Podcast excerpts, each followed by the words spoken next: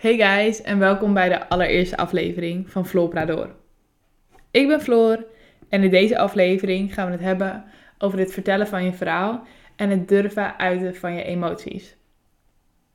Vorige week heb ik de trailer geplaatst van deze podcast en daar heb ik heel veel lieve reacties op gehad. En een reactie waar ik, wat ik ook heel veel gehad heb, is of ik het wel durf om mijn verhaal te vertellen. En wil ik wel deze emoties uiten naar eigenlijk letterlijk iedereen. Want iedereen zou theoretisch gezien bij mijn podcast kunnen komen. En nou ja, ik ben zelf deze podcast begonnen, dus ik denk dat jullie het antwoord wel weten. Maar dit is wel iets waar ik heel erg lang mee gestruggeld heb. En kijk, nu durf ik mijn verhaal um, te delen met iedereen in de vorm van een podcast. Maar dit had ik een jaar geleden al lang niet durven doen. En ik had het ook niet willen doen. En um, die redenen daarvoor, daar wil ik het in deze podcast over hebben. Want één ding wat ik heel erg deed, en waarvan ik denk dat heel veel mensen het doen, is het verbergen van je kut voelen. Ik ging voor iedereen verbergen dat ik mij kut voelde. Niemand mocht erachter komen. Weet je, ik voelde me kut, maar dat was mijn probleem. Niet die van iemand anders. Dus ik deed alsof ik vrolijk was, zodat iedereen dacht dat ik vrolijk was. En ik ging tussendoor, ging ik wel even mijn probleem fixen. Ik kan je vertellen, um, dat is niet mogelijk. Maar ik deed het wel voor zo'n lange periode, deed ik dat. En ik ging altijd maar, overal waar ik heen ging, ging een glimlach opzetten. En ik ging altijd maar leuk doen. Want, en ik kan wel naar school gaan. Ik heb gewoon eten op mijn bord. Ik bedoel, theoretisch gezien heb ik het perfecte leven. Dus ik mag niet zeiken. Weet je, dat was al de eerste stap in mijn hoofd waar het fout ging en waarom ik er niet vooruit durfde te komen. Want ik dacht van ja, maar ik heb het perfecte leven, dus uh, ik theoretisch gezien, ik kan me niet kut voelen. Maar uiteindelijk realiseerde ik me wel dat ik mij oprecht kut voelde. En toen begon het hele proces van me schuldig voelen. Ik voelde mij schuldig dat ik me kut voelde. Want er zijn zoveel kinderen in arme landen die geen eens eten hebben. Die geen eens eten hebben. En ik heb hier, theoretisch gezien, alles. En ik voel me kut. Waar komt die die vandaar dat ik me kut durf te voelen? Dat ik het al durf. Dat ik me durf kut te voelen. Ik ging me zo schuldig voelen, want ik heb zoveel. Ik ging me uiteindelijk ook schamen. Schamen dat ik zoveel had en dat ik alsnog niet genoeg had. Dat ik steeds maar meer en meer. Het voelde alsof ik meer en meer en meer moest. Nou ja, hetgeen wat ik meer moest, dat was tijd voor mezelf en hulp. Maar het voelde alsof ik alleen maar meer, meer en meer wilde. En omdat ik um, eigenlijk hulp nodig had. Dus ik wilde meer. Want hulp betekent extra aandacht. En extra aandacht is meer. Maar ik had al zoveel. Dus ik schaamde me voordat ik me kut voelde. Ik um, voelde me schuldig voordat ik me kut voelde. En uiteindelijk zorgde dat er ook voor dat ik heel vaak boos op mezelf werd. Boos dat ik me kut voelde. Van ja, maar waarom denk je zo? Wees gewoon blij. Weet je, ik was boos dat ik niet blij was. Want het was mijn eigen schuld dat ik niet blij was. En als jij denkt dat het je eigen schuld is dat je niet blij bent, dan ga je al helemaal niet naar iemand anders toe van zeggen van hé, ik voel me niet zo goed. Want het is je eigen schuld. Dus je eigen probleem, je eigen schuld. Fix het zelf. Weet je? Zo voelde het heel erg voor mij. Van ja, waar ik ook mee zit en wat het ook is wat ik voel. Het is mijn eigen probleem en ik moet dit zelf oplossen. Want ik wil niemand tot last zijn. Ik wist ook helemaal niet wat ik voelde. Ja, ik voelde me kut. Maar wat? of iets. Ik had geen idee. Ik wist gewoon alleen dat ik me kut voelde. Ik had geen idee wat ik nou precies voelde. Dus het was ook niks. Dus ik stelde me gewoon aan. En ik moest me schamen voor wat ik voelde. En daardoor voelde het ook heel erg alsof ik het maar voor aandacht bleef doen. Want ik had alles, tussen aanhalingstekens, perfecte leven. Dus alles wat ik deed was voor extra aandacht en ik was gewoon een aandachtshoedje, weet je het, het, was gewoon nep. Het was allemaal nep. Het gevoel wat ik had was niet echt. Want het was niks officieels. Het was niet echt. Er was nooit iemand die tegen mij gezegd had: Oh, kijk, jij voelt je kut. Jij hebt hier of hier misschien last van. Nee, het was een eigen verzonnen gevoeltje. waar ik last van had. Het was helemaal niks. Het was helemaal niks. Ik deed voor aandacht. Het voelde zo erg alsof ik het voor aandacht deed. Telkens als ik dacht van oké, oké Floor, kijk even naar je leven. Het gaat echt niet goed met je. Dacht ik ja, maar dat is zo, het is zo aandachtzoekerig om te zeggen dat het niet goed met je gaat. Zo aandachtzoekerig. En ik wilde geen aandachtzoeker zijn. Nee, ik redde het zelf wel. Ik wilde geen last zijn voor anderen. En als je geen last wil zijn van anderen, moet je zeker niet aandachtzoekerig gaan doen. En mijn vrouw was geen zo erg. Kijk, oké, ik voelde mij dagelijks kut en ik moest dagelijks moest ik huilen. Maar het was niet zo erg. Niet erg genoeg voor hulp in ieder geval. Dus ik ging ook zeker geen hulp zoeken. Want het was niet erg genoeg voor hulp. Ik, ik heb ook ehm, de afgelopen twee jaar heb ik een boekje bijgehouden. Je zou het een dagboek kunnen noemen. Ik noem het liever niet zo. Ik noem het gewoon een boekje waarin ik uh, mijn gedachten eigenlijk opschreef. Of positief, negatief, hoe ik mij ook voelde. En um, ik ben hen terug aan het lezen. En het is best wel heftig om dat terug te lezen. Want de dingen die ik opgeschreven heb zijn niet altijd even chill. En dan lees ik ook echt terug dat ik gewoon echt opschreef van... Oké, het gaat echt niet goed met me. Ik voel dat het niet goed gaat. Ik heb hier en hier last van gehad. Maar ik kan er niet over praten. En ik ga dit echt met niemand delen. Want als ik dit. Dat heb ik letterlijk opgeschreven. Ik heb letterlijk opgeschreven van. Ik mag dit niet delen. Want ik zoek extra aandacht. En ik ben een aandachtzoeker. En ik was mezelf als schrijvende alleen maar naar beneden aan het halen. Voor het feit dat ik hulp wilde zoeken. Want het is niet zo erg. En jij bent niet zo belangrijk. Jij bent niet belangrijk genoeg voor hulp. Dat heb ik ook weet je, niet letterlijk opgeschreven. Ik heb nooit letterlijk opgeschreven, jij bent niet belangrijk. Of niet belangrijk genoeg voor hulp. Maar als je goed naar de regels gaat kijken die ik geschreven heb, dan staat dat er wel. Van jij bent niet belangrijk genoeg voor hulp. En de anderen zijn belangrijker. Want dat vond ik ook altijd. Ik zet altijd anderen uh, voor mij en boven mij. Anderen waren altijd belangrijker. Kijk eerst naar de rest en daarna pas ging ik naar mezelf kijken. Maar ik was altijd veel te druk met naar de rest kijken, waardoor ik mezelf altijd vergat. Ik vergat mezelf zo vaak dat ik ook geen aandacht gaf voor mezelf. En um, daardoor ben ik over mezelf gaan heen lopen. Maar omdat ik altijd anderen belangrijker vond, vond ik ook dat ik dus zelf niet belangrijk genoeg was voor hulp. Zelfs als ik een dag had waarin ik inzag van oké, het gaat niet goed met je, je hebt hulp nodig. En je moet erover praten. En je mag je emoties voor een keertje uiten. Dan vond ik mezelf niet belangrijk genoeg. Want de persoon tegen wie jij praat. Stel, je bent een half uur in gesprek met die andere persoon. En jij uit je emoties en jouw verhaal. Die persoon in mijn hoofd gaf dan 30 minuten van zijn of haar tijd aan mij. Terwijl die persoon ook die 30 minuten aan iemand anders kon geven. En andere mensen waren belangrijker. Dus ik mocht niet van um, de persoon aan wie ik het vertelde, mocht ik niet extra tijd roven. Dus ik kon er niet over praten. Want als ik met iemand een gesprek voer, dan roof je iemand anders tijd. En dat wilde ik absoluut niet. Weet je, zo zit het helemaal niet in elkaar. Zo werkt het niet. Maar zo voelde het voor mij wel. Telkens als ik een gesprek voerde met iemand anders, stal ik de tijd van die persoon. Terwijl die persoon ook belangrijke dingen had kunnen doen.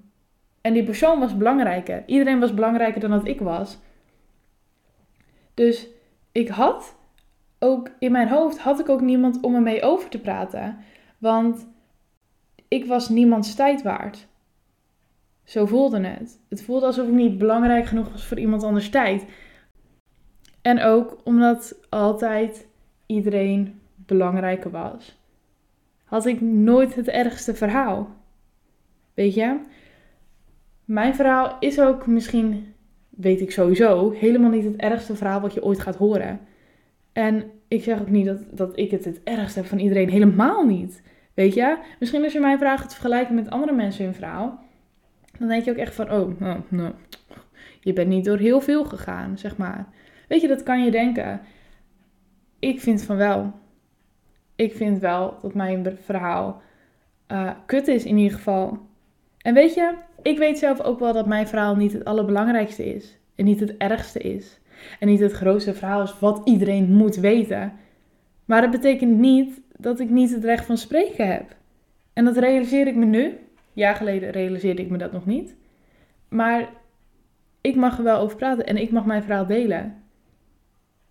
Ook al is het niet het ergste, ook al is het niet het grootste of het engste verhaal wat je ooit gaat horen, dat betekent niet dat ik er niet over mag praten. Maar, zoals ik net zei, realiseerde ik mij dat een jaar geleden niet, of anderhalf jaar geleden. En toen had ik nooit het ergste verhaal. Dus zelfs al dacht ik van oké, ik weet één persoon tegen wie ik mijn verhaal kan vertellen. En ik vind niet dat ik die persoonstijd steel of iets. Zelfs dan dacht ik van, dan voelde ik mij niet meer schuldig tegenover die persoon tegen wie ik het vertelde. Want ik, ik steelde niet meer de tijd van die persoon. Dan dacht ik nog van ja, maar er is ook een andere persoon, dus de derde persoon in dit verhaal, die ook tegen die persoon tegen wie ik het wilde vertellen, kan praten. Stel, ik leg nu heel onlogisch uit. Hoe ik het probeer te voelen, of wat ik probeer te zeggen, is als ik voor 30 minuten naar een vertrouwenspersoon toe ga. En ik had me eigenlijk eroverheen gezet en ik voelde mij niet meer schuldig dat die vertrouwenspersoon 30 minuten aan mij verspilde. Tussen aanhalingstekens. En ik dacht eigenlijk van oké, dan alsnog voelde ik mij schuldig tegenover een andere persoon. Want misschien was er wel iemand anders die ook naar die vertrouwenspersoon wilde gaan. En die 30 minuten dat ik daar zat, kon die andere persoon dus niet naar die vertrouwenspersoon gaan. Maar die andere persoon had een erger verhaal. Want iedereen had een erger verhaal. Dus die verdient het meer om bij de vertrouwenspersoon te zitten dan dat ik daar zit. En ook als ik mijzelf eindelijk had overtuigd dat ik nog niet, nou, ik wilde dan niet, nog niet met een volwassene persoon of een vertrouwenspersoon of een therapeut of iets praten. Maar ik wilde er wel eindelijk met vrienden bijvoorbeeld over praten. Zelfs dan hield ik mezelf tegen. Want ook al waren het, zeg maar, maar vrienden, en dat bedoel ik helemaal niet slecht naar, om te zeggen met maar vrienden, maar daarmee bedoel ik te zeggen dat het geen volwassenen waren en geen uh, mensen die ervoor geleerd hadden om mij hulp te geven. Zo bedoel ik het meer. Het waren meer gewoon mensen van mijn leeftijd, laat ik het zo zeggen. Zelfs dan dacht ik van ja, maar jij hebt nooit een diagnose gekregen. Dus theoretisch gezien heb je niks. Er waren best wel veel mensen om mij heen op dat moment. Ehm, en nu nog steeds eigenlijk die uh, struggelen met mentaal niet helemaal lekker zitten. En sommige van hun hebben wel een diagnose gekregen. Dus wanneer ik met een van hun wilde gaan praten, voelde ik mij schuldig tegenover die persoon. Want die persoon had al een diagnose gekregen en ik niet. Dus wat ik ging zeggen over hoe ik me voelde was niet zo belangrijk als dat van hun. Want ik had geen diagnose. Theoretisch gezien had ik helemaal niks, weet je? Dus ik mocht er niet zoveel over praten, want dat van hun was erg, want hun waren officieel gediagnosticeerd. En in mijn hoofd zat er zo'n verschil tussen officieel gediagnosticeerd zijn en niet. Weet je, iemand kan zich honderd keer kutter voelen en niet gediagnosticeerd zijn, dan bijvoorbeeld iemand die wel gediagnosticeerd is. En het feit dat je niet officieel gediagnosticeerd bent, betekent niet dat je er geen last van hebt. Ik bedoel, als jij je been breekt op een voetbalveld en jij gaat nooit naar de dokter toe, dan heb je officieel gezien nooit je been gebroken. Maar je hebt wel je been gebroken. Weet je? Dat heb je wel. Maar ja, je bent er gewoon nooit naar vol gaan kijken. Dus officieel gezien heb je helemaal niks. Maar je hebt het nog steeds. Maar dat realiseerde ik mij niet. Ik was gewoon van, oh, maar ik heb... Kijk, als ik op dat voetbalveld stond en ik had mijn been gebroken en ik was naar de dokter gaan, dan was het gewoon zo van, oh, maar Officieel gezien heb ik mijn been niet gebroken, dus ik mag me niet aanstellen. Ik heb geen gebroken been. Zo ging het in mijn hoofd. Van ja, weet je, ik heb geen gebroken been. Geef mij maar geen extra aandacht, weet je. Het is allemaal wel nep. Het is aandachtzoekerig. Die pijn die ik heb is gewoon... Doe ik allemaal voor aandacht. Wat ik eigenlijk net allemaal opnoemde al. Weet je, mijn verhaal is niet erg genoeg om te praten. En dat allemaal. En het feit dat ik geen diagnose had heeft mij zo lang tegengehouden van erover praten. Want uiteindelijk heb ik die stap genomen dat ik naar therapie ben gegaan. En in therapie durfde ik wel mijn emoties te uiten en mijn verhaal te vertellen. Want toen had ik geaccepteerd met, hé, hey, het is haar baan. Zij kiest hier zelf voor. En zij verdient geld aan mij. Dus bij haar is het niet erg om erover te praten. Maar op dit moment, op het moment dat ik mijn podcast aan het opnemen ben, heb ik niet officieel op een papiertje gekregen dat ik een angststoornis heb. En dit is ook een heel groot deel wat mij heel lang heeft tegengehouden met aan mijn podcast beginnen. Ik bedoel, voordat je naar de therapeut mag, moet je eerst langs de huisarts. En moet je gewoon zeggen met, hey, haha, ik voel me kut. En dan moet je een beetje vertellen hoe het zit. En dan kan die je doorverwijzen. Want je hebt een doorverwijzing nodig van je huisarts om naar een therapeut te mogen. En die huisarts had al opgeschreven met um, angststoornis. Dat ik waarschijnlijk een angststoornis heb. En toen ben ik naar therapie gegaan. En ik heb mijn therapeut gevraagd met... We hebben een heel gesprek gehad, heel veel verteld. En uiteindelijk vroeg ik zo van ja, maar wat denkt u dat ik? Want ik, na al die tijd, ik wist nog steeds niet wat ik had. Ik voelde mij dagenlang kut. En ik wist nog steeds niet wat ik had. En het was zo'n grote vraagteken voor mij, wat mij zo erg dwars zat. Want ik zat nog steeds met het gevoel dat ik pas recht had om erover te praten wanneer ik wist wat ik had. En ik wist het nog steeds niet al die tijd. Dus ik had nog steeds geen recht om erover te praten. En ik snapte mezelf niet, want ik wist niet wat ik had. Dus ik wilde gewoon zo graag weten wat ik had. Maar mijn therapeut wilde het mij niet vertellen. Die zei: Ja, maar als je het weet, dan ga je er alleen maar in vastklemmen. En ik bedoel, ik, ik snap op zich wat ze daarmee wilden. Maar voor mij was het gewoon zo belangrijk om te weten. En uiteindelijk heeft, is er um, wat een gesprek of ik door wilde gaan met therapie of niet. Toen zei ik ook gewoon hoe belangrijk het voor mij was om te weten wat ik nu precies had.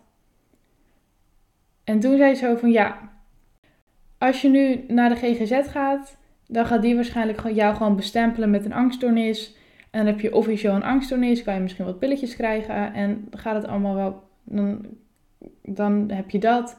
En heb je officieel een angststoornis. Maar wil je dat? Want um, officieel gediagnosticeerd zijn um, is ook niet heel, ja, hoe zeg je dat nou weer goed? Het komt wel op jouw, ja, hoe noem je dat? Gewoon uh, bij jouw levensverhaal, zeg maar, van heb je ooit, je hebt altijd wel eens een lijst met heb je ooit in ziekenhuis of zo gelegen, dat als jij officieel gediagnosticeerd bent met een mentale ziekte, dan komt dat ook op die lijst te staan met heeft ooit een mentale ziekte gehad, zeg maar. Dus mijn therapeut wilde dat niet officieel aan mij geven. Dus officieel gezien ben ik nog steeds nooit gediagnosticeerd met het feit dat ik een angststoornis heb. Maar ze heeft wel gezegd dat ik waarschijnlijk een angststoornis heb. Maar officieel gezien heb ik het dus nooit ontvangen. Dus zelfs nu ik deze podcast begon, heb ik mij in het begin, toen ik dit allemaal wilde organiseren, schuldig gevoeld. Van, mag ik het woord angststoornis wel gebruiken? Want officieel gezien heb ik het nooit ontvangen en heb ik het wel. En ik heb me daar zo lang druk over gemaakt. Alleen, ik bedoel, misschien heb ik het nooit officieel op een blaadje of zo gekregen. Ik weet eigenlijk geen eens hoe dat werkt. Maar misschien heb ik het nooit officieel gekregen. Maar mijn therapeut heeft wel tegen me gezegd: ja, je hebt, je hebt een angststoornis. Dus heb ik het officieel gezien dan? Nee. Heb ik het? Ja. Weet je, ook, uh, je hebt altijd zo'n verhaaltje bij Spotify waar je podcast over gaat. Nou ja, daar heb ik ook ingezet met: ik heb een angststoornis. En alsnog is dat een heel groot ding waar ik moeite mee heb met mag ik dat woord wel gebruiken? En ik vind persoonlijk dat ik het woord mag gebruiken. En ik vind ja, dat ik het recht daarop heb en ik weet dat ik het heb. Kijk, ik heb het nooit officieel ontvangen, maar ik heb het wel. En misschien denk je nu van, yo, je het, het is jouw angststoornis, zeg maar. Je hoeft mij niet te overtuigen van wat jij hebt, weet je. Ik geloof jou, maar voor mij is dit zo'n big deal geweest en is het nog steeds. Dat je officieel iets moet hebben voordat je erover mag praten. Want ik denk persoonlijk dat dat van social media komt. Omdat je, uh, het is opeens heel, uh, ja, hoe noem je dat? Een aesthetic geworden om depressief te zijn, om anxiety te hebben en shit. Dat, het is een beetje meegegaan voor mijn gevoel in een trend. Alleen op elke trend komt haat. Zoals altijd. En ook heel veel wat ik zag was, ah, als je niet officieel dit en dit hebt, dan mag je echt niet praten over je anxiety, want je hebt het niet. En ik bedoel, ik denk ook dat heel veel filmpjes die online staan misschien gemaakt zijn met, oh, my depression room en shit. Heel veel zijn daarvan waar. Sommigen hebben het misschien ook een klein beetje erger gemaakt, zodat het lijkt alsof het heel erg is. En dat allemaal. Maar daardoor voelde ik alsof ik mij moest bewijzen dat ik uh, dus iets had. Dus nog steeds heb ik het gevoel dat ik moet bewijzen dat ik een angststoornis heb. Terwijl ik weet dat ik hem heb. En dat is ook weer een reden waarom ik niet mijn verhaal wilde delen. Want officieel gezien heb ik nog steeds helemaal drie keer niks. Weet je? Het staat helemaal nergens dat ik een angststoornis heb. Dus het voelde als nog steeds alsof ik er niet over mocht praten. En alsof ik deze podcast geen eens mocht beginnen. Want ik had niks. En zelfs, oké, dan mocht ik hem wel beginnen, maar dan mocht ik sowieso het woord angststoornis niet gebruiken. Terwijl ik weet dat ik het heb, maar ik mocht het niet gebruiken. En ik heb dat deel overwonnen. En ik heb het erin gezet met, yo, ik heb een angststoornis. En ik durf ook nu tegen mensen te zeggen van, ik heb een angststoornis. Ik durf het eindelijk uit te spreken. En het is waar. En ik weet dat ik het heb. Maar dat is weer een deel waarom ik mijn emoties niet durfde te uiten, want ik had niks officieels. Ook wilde ik heel lang niet praten over mijn emoties, omdat ik bang was dat anderen mij niet zouden gaan begrijpen. En hier komt die diagnose eigenlijk weer in terug. Weet je, als je gewoon naar iemand toe gaat met hey, het gaat kut, dan denken heel veel mensen dat het maar één dag of zo is met je kut gaat. Wat ik begrijp. Maar als jij zegt, yo, ik heb een angststoornis, dan is het gelijk veel serieuzer, zeg maar. Dus het voelde alsof wanneer ik gewoon naar iemand toe ging zonder dat ik een diagnose had, alsof het een eendaagse aanstellerij was. En niemand zou mij toch begrijpen, want heel veel mensen denken dan dat het maar één dag is. Dus als ik zeg, yo, ik voel me kut, dan is het gewoon van, ja, oké, vandaag is het kut, maar morgen is het wel over. En dan denk ik, nee, het, is niet over. Het is een half jaar al niet over. Ik voel mij een half jaar, ik voel mij een jaar al kut. Maar het, het voelde gewoon alsof niemand mij kon begrijpen. En dat andere mensen mijn vrouw maar raar zouden vinden. Want wie voelt zich nou een jaar lang kut? Weet je? Zo voelde het. Alsof niemand mij ging begrijpen. ik was ook bang dat anderen mijn vrouw maar raar zouden vinden. En het maar niet zou kloppen wat ik zou vertellen. Dus ik durfde mijn vrouw uiteindelijk ook niet te vertellen. Maar eindelijk, na al die tijd, durfde ik erover te praten. En um, had uiteindelijk geaccepteerd tegenover de anderen dat ik hulp nodig had. En oké, deze zinsopbouw was heel vaag. Maar wat ik wilde zeggen, als je gaat kijken naar alle punten eigenlijk die ik net opgenoemd, heb, opgenoemd had. En wat mij dus had tegengehouden om erover te praten, waren andere mensen. En niet dat ik andere mensen de schuld geef. Maar ik bedoel hiermee te zeggen dat ik dus heel bang was voor andere mensen. Ik bedoel, ik was bang dat andere mensen mijn vrouw raar zouden vinden. Ik was bang dat andere mensen mijn verhaal uh, aandachtzoekerig zouden vinden. Ik had een schuldgevoel tegenover andere mensen. En eindelijk, na een tijdje, zat ik zo van: Maar het gaat zo kut met je. Het gaat zo kut, je hebt hulp nodig. Weet je, op dit moment maakt het even niet uit wat die andere mensen denken. Jij moet hulp gaan zoeken. Maar dan komt dat laatste stukje nog. En dat laatste stukje is zelfacceptatie. En kunnen accepteren dat jij hulp nodig hebt. En accepteren dat je het even niet meer alleen kan. En dat deel heeft mij ook heel lang tegengehouden van erover praten. Want ik wilde niet accepteren dat ik hulp nodig had. En dat ik het even niet alleen kon. Want ik keek om me heen en het, leek alsof iedereen het alleen, alleen kon. Dus waarom kon ik het dan niet alleen? En nou ja, en de mensen die dan hulp hadden, die hadden het ook echt nodig, weet je. Maar ik was niet erg genoeg. En dat hele riedeltje begon eigenlijk weer opnieuw. En ik moest gewoon echt gaan accepteren van mezelf. Van, yo, kijk naar jezelf. Je hebt hulp nodig. En het is helemaal niet erg. Het is niet erg om hulp te vragen. En de mensen gaan jouw verhaal niet raar vinden. En als ze dat wel gaan vinden, ja, dat is kut voor die mensen. Maar het is jouw verhaal. Het is jouw leven. En jij wil jouw leven verbeteren. Nu draait het even om jou. Nu moet je even egoïstisch zijn En even aan jezelf denken en niet gelijk aan iemand anders. Je hoeft niet iedereen boven je te zetten. Zet eerst jouzelf boven de rest. En pas als jij beter bent, of in ieder geval je beter voelt, kan je voor andere mensen gaan zorgen. Als jij in de put zit, dan kan je echt niet voor andere mensen zorgen. Ik heb het geprobeerd, ik kan je vertellen. Het is echt heel verdomd lastig. Het is zo lastig om voor andere mensen te zorgen als jij jezelf al niet goed voelt. Dus accepteer het dat je hulp nodig hebt. En uiteindelijk heb ik het kunnen accepteren en heb ik die hulp gevraagd. En ben ik dus aan mezelf gaan werken. En daarom zit ik hier nu ook. Weet je? Ik ben van het willen verbergen voor iedereen, voor echt zo'n lange periode en er niet over durven praten. En alle punten die ik net heb opgenoemd, van naar mijn verhaal delen op het internet. En iedereen zou hier theoretisch gezien bij kunnen komen. Het is zo'n omslag geweest van niet durven praten over mijn emoties en zeker aan niemand mijn verhaal durven te, te vertellen, naar mijn verhaal met iedereen willen delen en iedereen die er maar geïnteresseerd naar is en iedereen die maar naar deze podcast wil luisteren. Wel de reden dat ik het in een podcast doe, is omdat nu iedereen kan lekker zelf bepalen of je luistert of niet. Want ik heb wel heel lang gestruggeld als, um, dan was ik er eindelijk iets meer open over. Ik was naar therapie geweest, ging eindelijk een stukje beter. En dan vroegen mensen van, yo, gaat het nu? En wat heb je precies meegemaakt? En waar heb je mee gestruggeld? En dan was ik eindelijk, voelde ik mij meer vrij en minder last wanneer ik iets wilde vertellen. Maar alsnog bleef dat schuldgevoel naar die andere persoon toe.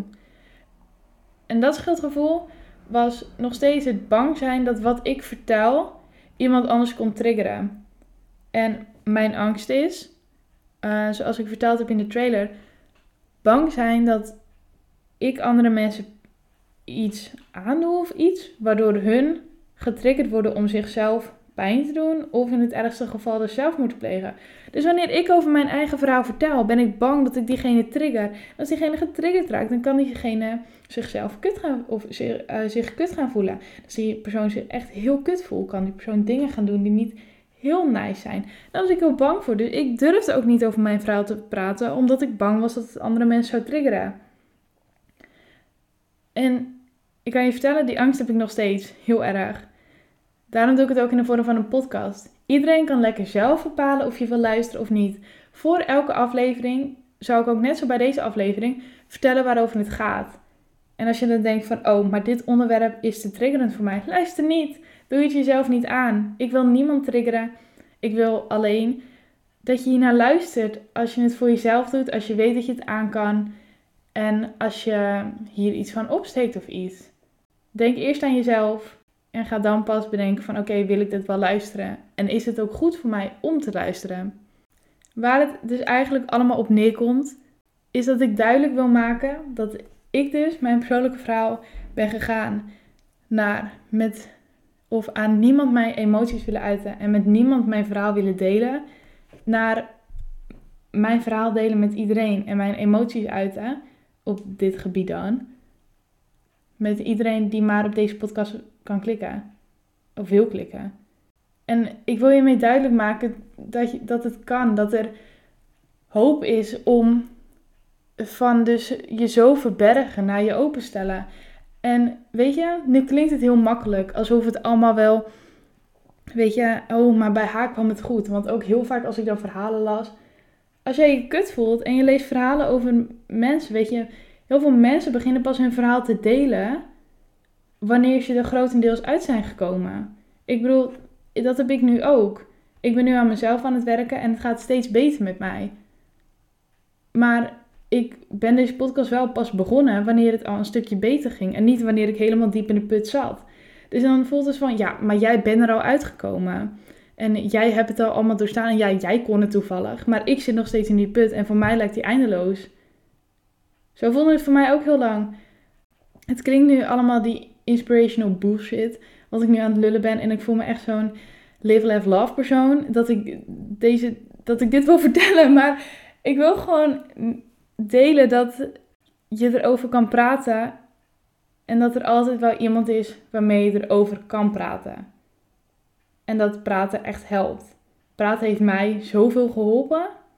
En jij mag je verhaal vertellen. En jouw verhaal doet er echt toe. Geloof me, jouw verhaal doet. Al denk jij dat je verhaal zo klein is, hij is groot genoeg om te vertellen. Vertrouw me. Dat was alweer de eerste aflevering van Flopra Door. Ik hoop dat jullie het een beetje een goede aflevering vonden. En ik zie jullie volgende week weer.